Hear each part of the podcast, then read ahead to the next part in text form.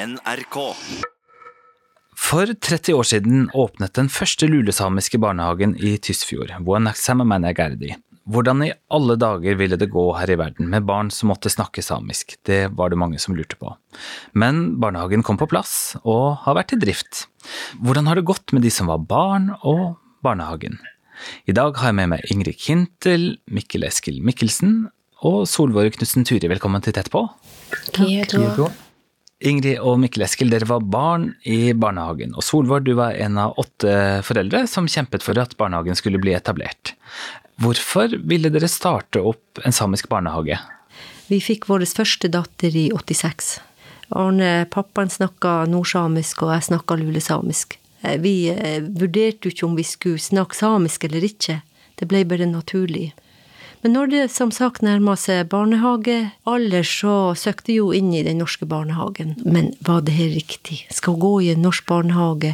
Hvordan skulle det gå? Så før hun begynte i barnehagen, så var jo tanken Altså, den var, den var allerede født, det her med samisk barnehage.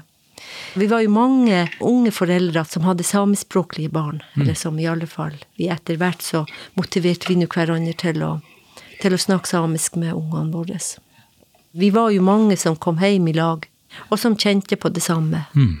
Kan du hjelpe oss å forstå den tida som dere ønska å etablere en samisk barnehage i? Ja, etter Alta-saken så ble det jo etablert eh, sameforening her hos oss. Som det ble i alle samiske, eh, tenker jeg, de fleste samiske miljøer. Når du tenker sånn historisk, så var det jo ikke så merkelig at det ble akkurat samisk barnehage da. For da var, var tida inne for å gjøre noe med språket i forhold til ungene. Hvordan ble det mottatt av eh, lokalsamfunnet ellers, da? Det var jo både positivt og negativt. På laget vårt så hadde vi jo alle besteforeldrene med, vi hadde jo hverandre, vi hadde jo tanter og onkler som støtta, som vi hadde gjort en avtale med at de skal støtte oss. Også når dere møter ungene våre ute i samfunnet, så skal dere snakke samisk til dem. Vi møtte jo reaksjoner, negative reaksjoner i butikken og i banken, og folk snudde seg etter oss og syntes at vi var litt eh, At vi trodde nå at vi var noe. Det var noen pedagoger som, som lurte på at gjør vi det riktig, hvordan er det med de, blir de tapere, og hvordan når de kommer på skolen og ikke kan norsk. og- Men klart at det der, det trigga jo oss. Vi var jo helt overbevist om at språket skulle videreføres, og så måtte vi jo, da valgte vi jo strategier ut ifra reaksjonen i, i samfunnet, og som var helt nødvendig. Som å styrke dem på alle vis. Noen sa at eh, jeg syns det er så rart å høre at du snakker samisk til den ungen din det òg ble latterliggjort også. Men vi visste jo at vi gjorde de riktige valgene. Og så visste vi jo også det at, at det, vil, eh, det vil koste noe. At det var ikke helt gratis å ta språket tilbake. Men vi hadde jo òg positive reaksjoner. Det var ikke altså gamle folk, som eksempel min mor, som ikke hadde snakka samisk til ungene siden vi var små.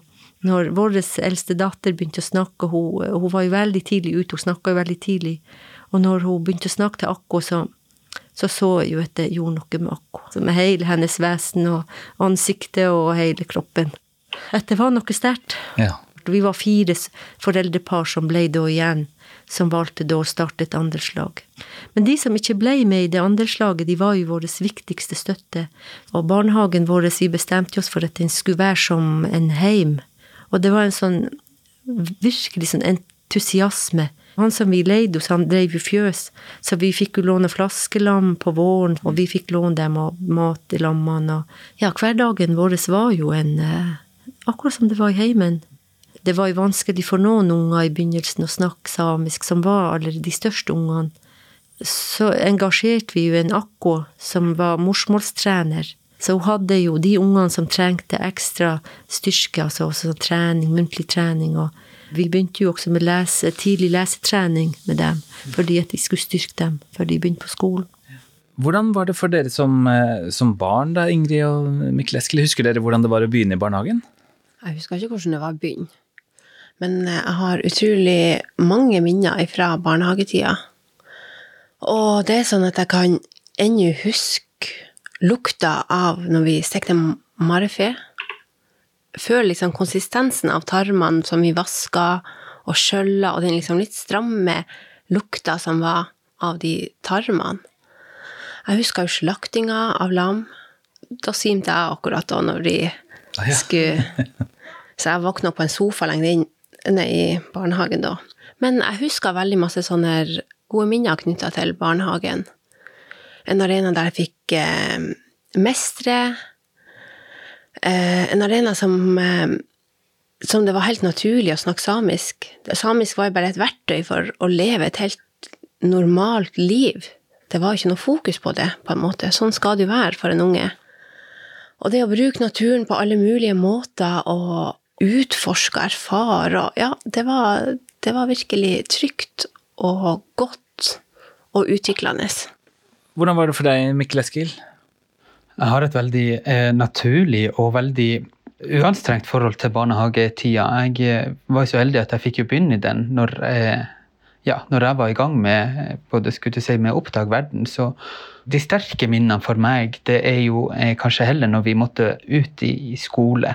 Det er da at eh, de- store minnene som skaper litt sånn forskjell fra barnehagen til skolen, at, at de kommer. Mine minner er prega av at det var, et, det var trygghet i barnehagen, at det var godt å være der, og at eh, jeg ikke på den tida var klar over at jeg eh, var kanskje et barn i et eh, veldig eh, progressiv eh, barnehage. Sånn sett så må det jo ha gjort en veldig god jobb, da, høres det ut som. Altså det å sikre trygghet og rammer som, eh, som er fine å utvikle seg i. Ja, jeg fått lov til å reflektere veldig masse rundt omkring de rammene som ble satt for meg, eh, særlig i min jobb nå som sametingsråd med ansvar for eh, de nye læreplanene som snart er kommet. Og da er det jo veldig masse snakk om hva innholdet i skolen skal være i den opplæringa som vi gir. Og det som går igjen i, har gått igjen i mine refleksjoner, er jo den tryggheten som ennå sitter i meg om hvem jeg er, hvor jeg kommer ifra, og at jeg har fått lov til å være med på en trygg samisk barndom, rett og slett. Og jeg tror ikke vi kan understreke mange nok ganger hvor ekstraordinært det de fikk til eh, våre foreldre og deres hjelpere. Den har gjort, eh, gjort iallfall meg til en veldig trygg person i dag. Og hvis du skal konkretisere, hva er det du lar deg imponere mest av, sett i lys av den tida barnehagen ble etablert i? Eh, alle de kampene de måtte ta. Jeg ser jo de valgene de gjorde på vegne av oss. De satt oss eh, som en på en måte stopper eller noe som var kontrast mot eh, den samfunnsutviklinga som, eh, som var på den tida, med at samisk språk ikke skulle høres. Og det er jo et eh, valg som er veldig ekstraordinært, særlig tenker jeg i Tysfjord på den tida. Du snakker samfunnet imot, du snakker normene imot, du snakker eh, din, eh, ja, kanskje ofte din nærmeste familie imot i de valgene som, som våre foreldre gjorde.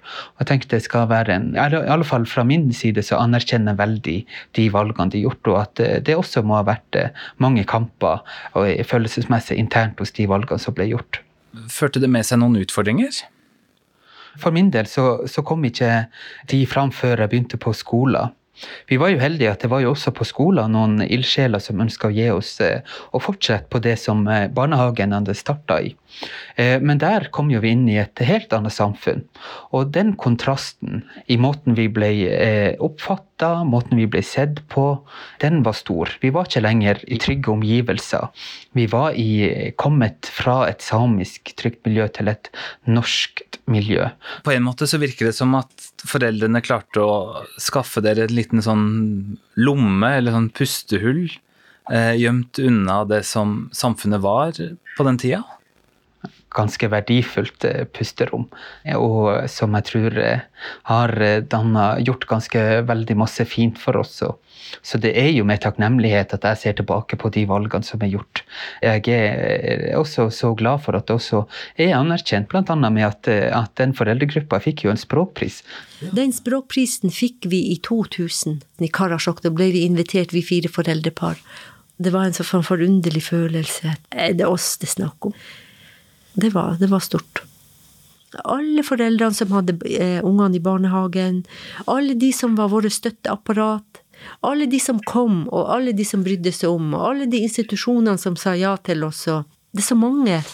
Altså, det var ikke bare oss eh, åtte. Jeg kjenner pulsen øke litt, altså når du skal se tilbake på ting. eh, Og Eskil sa det veldig godt, at um, vi kom fra et veldig trygt barnehagemiljø. Vi hadde veldig godt språk, og vi mestra naturen. på en helt formidabel måte.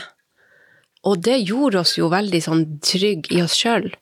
Vi hadde så mange verktøy å håndtere det som skulle da komme til å møte oss på skolen. Så um, skolen ble jo en sånn voldsom overgang. Skolen ble tøft. Vi ble samme ungene, vi ble samme klassen. Hvert friminutt så spiller vi fotball, og da var det samisk mot norsk. Vi ble møtt med hets fra våre medelever i norskklassen. Vi eh, fikk jo oppleve å ikke alltid ha en støttende ledelse i skolen. Og det var med på å prege oss, som gjorde vårt rom som samer på skolen veldig trangt. Og det ga utslag i at vi eh, ofte hadde det tøft sosialt, internt. Vi eh, hadde også utfordringer med mobbing. Vi eh, gjorde også tøffe valg som elever, unge elever, med at vi også kunne fryse ut enkelte av våre elever i, i samiskklassen.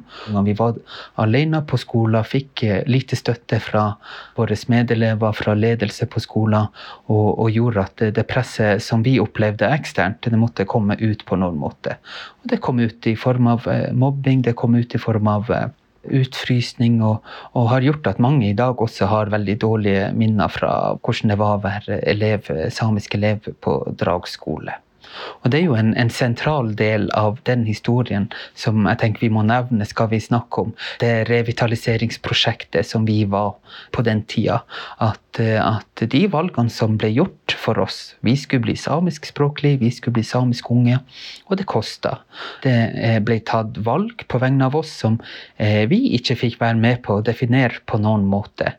Vi fikk ikke eh, være med på å bestemme at eh, vi skulle bli sittet eh, gjennom en tøff år på skolen. Vi fikk ikke være med på å definere at vi skulle vært med på en skolegård som ikke tok oss imot. Det var jo sånn at jeg var jo lærer i fem år. Jeg var jo Eskil og Ingrids lærer. Det var i forbindelse med valget på slutten av 90-tallet der Carl I. Hagen annet uttalte seg om at eh, Sametinget burde legges ned igjen. Det ble jo veldig tøft på skolen, der elever, medelever kunne rope etter de her eh, de, Carl I. Hagen istedenfor å rope din tykjelapp, eller og mobba på den måten. Og vi lærere, vi opplevde jo vi også mange ting som ikke var så bra. Mobbing og trakassering ifra elever der samiskklassen var det samiske på skolen. Og de fleste av de samiske elevene gikk jo i de norskspråklige klassene. Og der de kanskje følte sånn underdanighet og, og ikke samisk i det hele tatt. Ja, der skolen var med på å holde de samiske elevene nede, også som gikk i de norske klassene. Der ikke de fikk noe på en måte en anerkjennelse for sin samiske bakgrunn.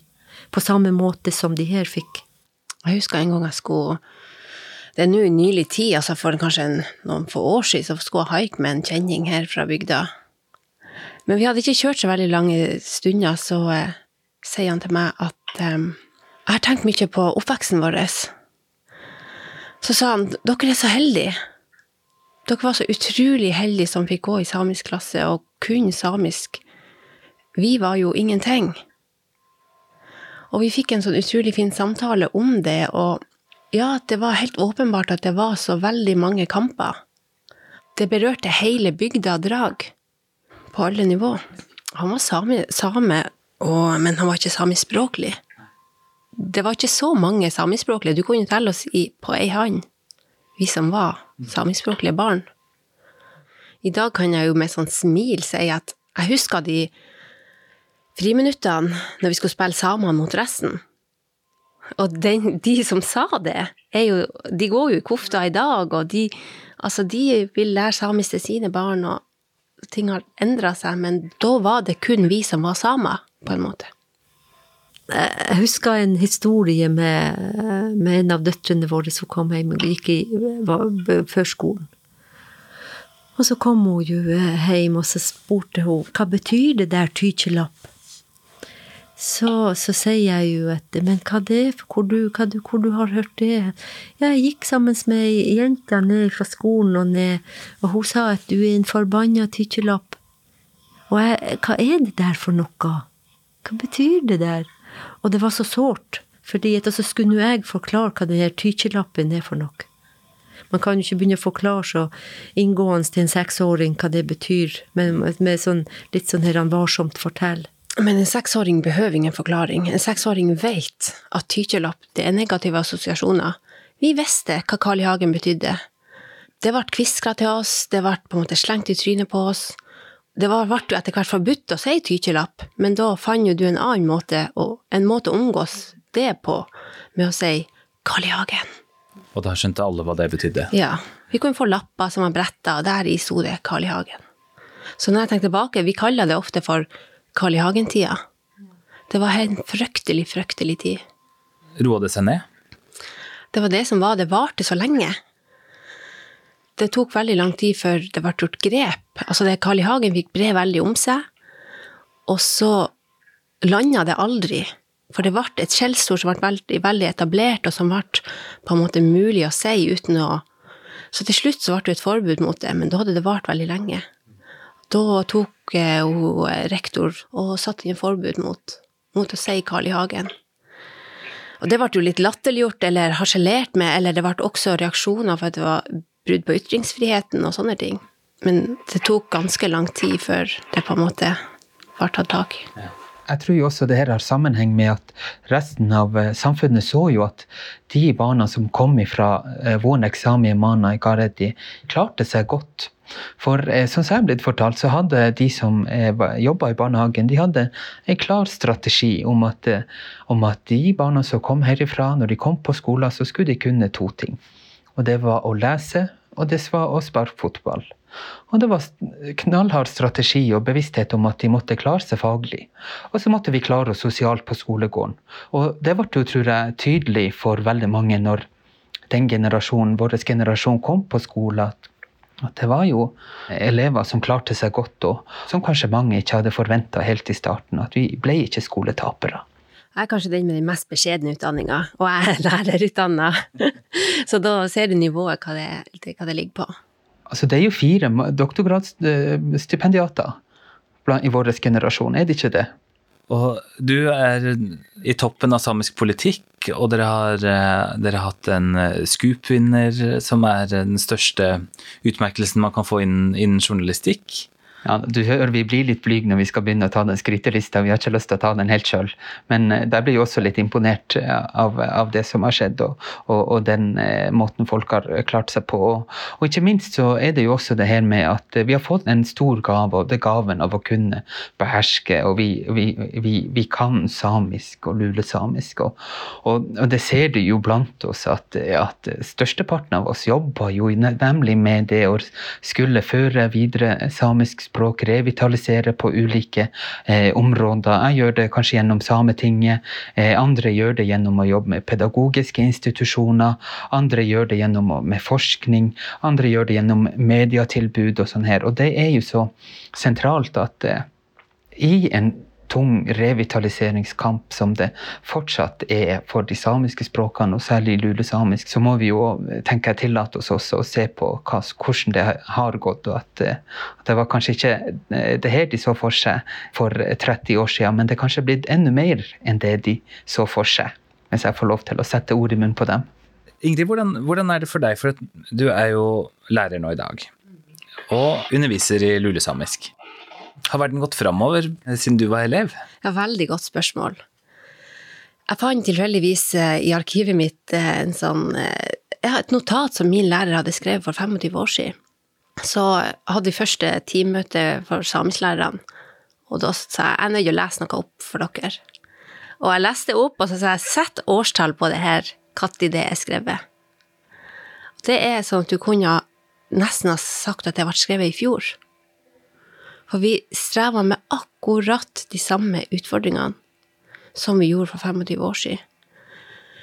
Det har jo blitt kjempa en gedigen kamp for det samiske språket. Vi er jo i et sterkt fornorska område. Den foreldregenerasjonen som kom etter våre foreldre, det var jo gjerne foreldre som ikke hadde samisk som morsmål, og, men ønska å videreføre språket og valgte det som førstespråk og opplæringsspråk for sine barn. Så det har jo prega språkets uh, stilling. Du har ett skritt, to skritt fram og ett tilbake, er det ikke det de sier? Det er veldig masse som gjenstår ennå. Hvis man tenker på å endre verden, da, så er det kanskje lettere å endre et lite univers i en barnehage heller enn et helt skolesystem? Det tror jeg. Det å være en samisk institusjon, en samisk barnehage, det er noe helt annet enn å være i et uh, norsk system. Det er sånne små hverdagskamper man har hver dag. Vi har forskjellige synspunkt, vi har forskjellig innfallsvinkel på livet. Altså, vi ser livet gjennom våre samiske briller. Og kanskje våre kolleger ikke har det samme brilleparet på. Altså, det er bare veldig mye diskusjoner. Ja. Nei, men la oss ennå si det som det er, at det ennå er ikke helt ok å skulle eh, satse på samisk språk. Og, og, og jeg, jeg, anser ikke det ennå helt sånn i Tysfjordsamfunnet at samisk er noe verdifullt. Den verdien som jeg setter til det språket, den ser ikke jeg reflektert i samfunnet. Eh, det ser jeg, eh, ser jeg, i samfunnsdebatter, det ser jeg også i når jeg beveger meg sosialt. Eh, og, og, de dynamikkene som var for 30 år siden med at det var enkelte samer som ikke ønska at det skulle komme en samisk barnehage enkelte samer som følte at de ikke var gode nok samer når de ikke lærte samisk språk. Det ser du ennå i dag. Det er med på å prege samfunnet vårt. Vi opplever jo ennå i dag at det er ikke, er ikke noe verdi i det samiske språket fra alle kanter. Eh, vi opplever også diskriminering, rasisme, i dagens samfunn, som, som er med på å prege eh, dagens revitaliseringskamp. Jeg har jo litt andre inntrykk enn Eskil. Jeg lever daglig i det samfunnet, møter både foreldre Altså, jeg opplever at det, altså det samiske er blitt en mer integrert del av identiteten til å Altså det å være ifra Drag. Det innebærer også at du har noe samisk på lasset, på en måte. Det samiske er en del av den bygdeidentiteten. Og det er jeg veldig opptatt av. Det er liksom en helt klar strategi jeg har i møte med alle mennesker. Det er at det samiske er et felles ansvar.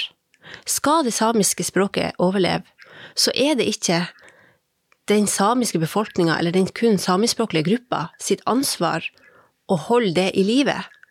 Jeg angriper det hele tida med å skyve det over. Du har også et ansvar for at samisk språk skal leve. Selv om ditt, ditt verdensbilde er kun norsk, men du har en, et like stort ansvar for sam, samisk språks overlevelse. Det handler jo også med at vi skal lukke opp døren hos oss òg, og slippe inn. Altså, det handler jo ikke bare at, at uh, dem skal lukke opp døren for oss, men vi skal jo også lukke opp våre dører, også de rommene som vi har hatt lukka, som ikke vi har delt med, med bumenn. Det samiske har vært en privatsak. Og det var jo vondt også for oss foreldre å se at nå skulle de i den store skolen, og der vi ikke kunne lenger eh, beskytte dem på samme måte. Men så er det nå sånn at livet er jo sånn at du skal jo slippes ut etter hvert, og du skal jo klare det sjøl, og målet for oss var at de skulle klare seg sjøl.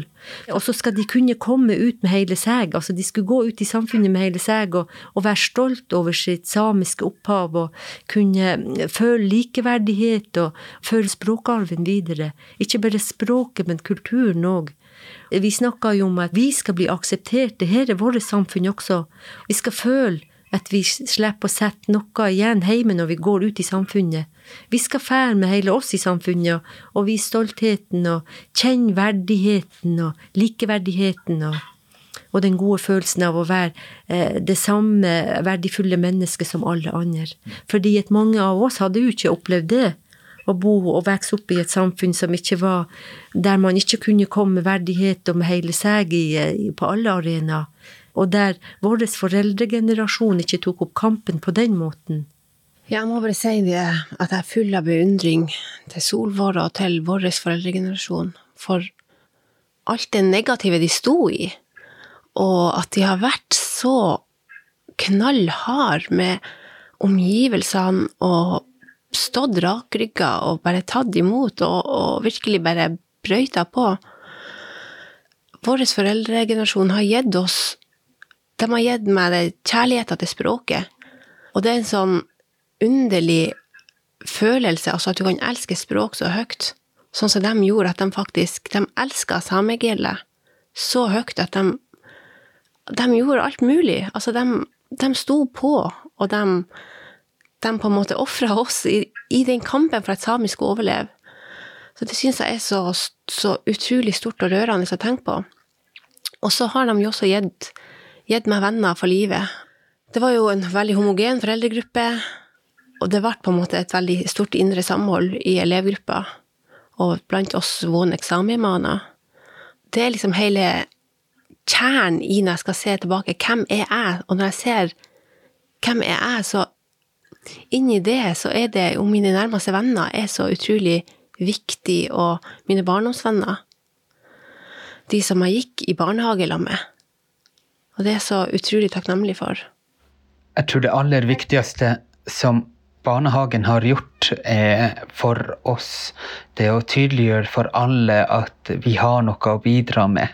At vi har noe vi kan tilføye samfunnet som er viktig. Vi kan eh, være med på å utvikle måten vi opplever og ser verden. At eh, det er noe som det er verdifullt å satse på, som er med på å gjøre folk trygge, som er med på å sette på en måte litt dagsorden. Så det tror jeg er noe av det viktigste. At det blir tydelig for hele verden at, at samisk det er, er verdt å satse på, og det er mulig å lykkes i revitalisering av samisk språk.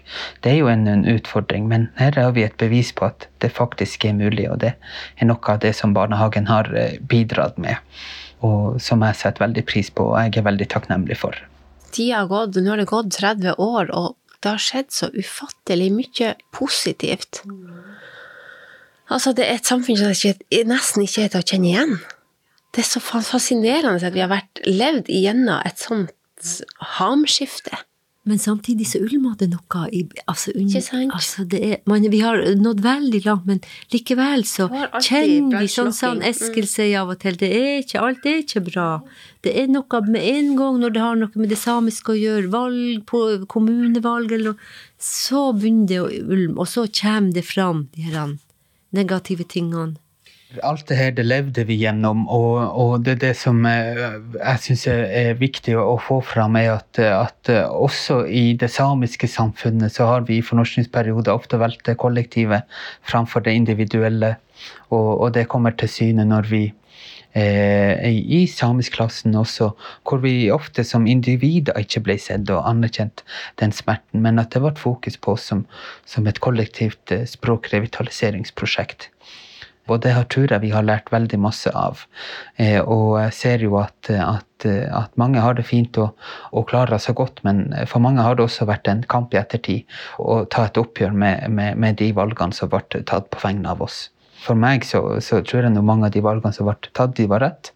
Og det har gitt meg en trygghet som jeg ikke kan, eh, kunne ha fått noen andre plasser vi kan lykkes og vi kan få det bra. For, for den kampen som Tysfjord tok for 30 år siden, det skjer i mange andre samfunn, samiske samfunn om, om, om å få samisk barnehagetilbud. Så det er så mange erfaringer å dra ut av det her som er viktig. Dere satte i gang litt av hvert, det skal dere virkelig ha. Ingrid Kintel, Mikkel Eskil Mikkelsen og Solveig Knutsen Duri, tusen takk for at dere var med i Tett på. Takk. Jeg heter Svein Lian. Tett på fra NRK Sápmi er produsert av 1 til 1 Media.